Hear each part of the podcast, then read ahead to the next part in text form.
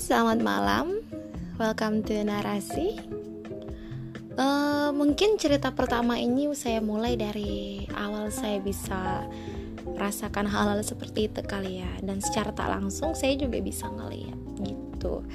Um, langsung aja cerita itu bermula dari saya waktu SMP dulu. Waktu SMP dengan segala cinta-cinta monyet dan kegalauan-kegalauannya.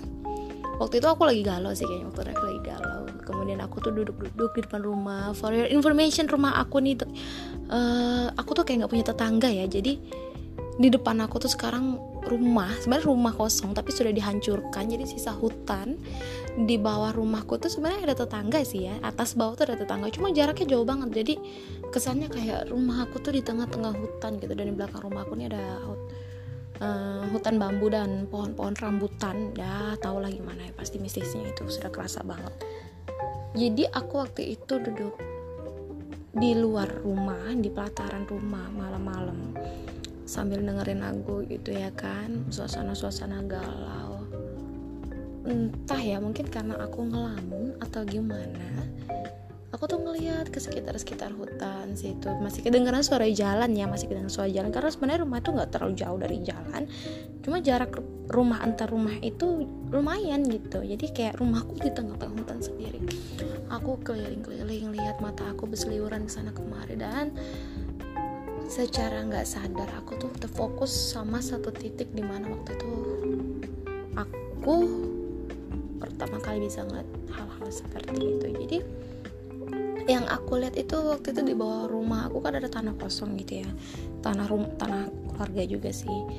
Um, dia ada di dekat pohon mangga jongkok ngadap ke jalan dan rambutnya itu panjang menyentuh tanah. Sumpah aku merinding nyeritain pertama ini.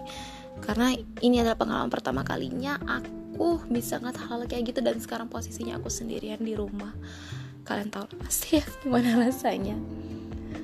Ya itu aku lihat dengan mata kepala aku sendiri sampai aku tuh mendek, mundur dari tempat duduk aku. Terus maju ke dekat pagar pembatas tanah sama rumah aku tuh. Aku perhatiin baik-baik ini serius orang atau bukan? Kalau orang dia ngapain tiba-tiba nongkrong di situ? Karena posisinya jongkok posisinya jongkok bajunya plak putih dan rambutnya itu panjang nyentuh tanah. Aku shock banget pas untungnya dia nggak noleh untungnya dia noleh. Dia coba belakangin aku dan itu aja sudah ngeri banget sudah bikin aku merinding nih cerita kayak gini.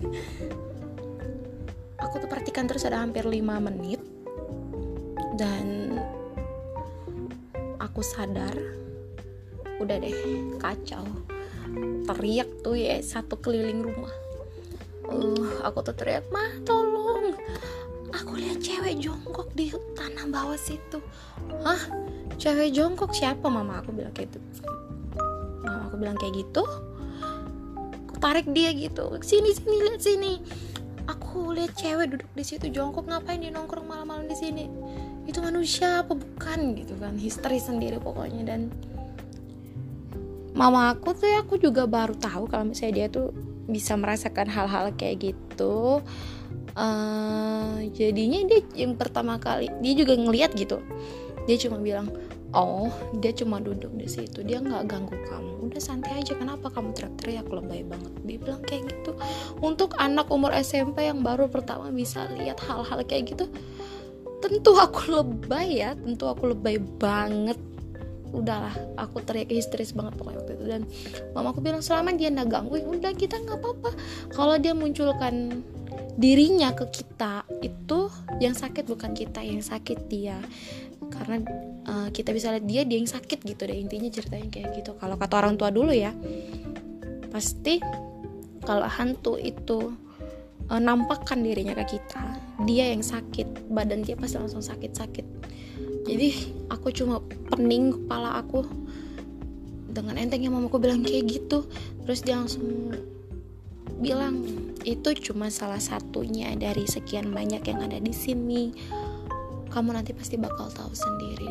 Dan oh my god what happened?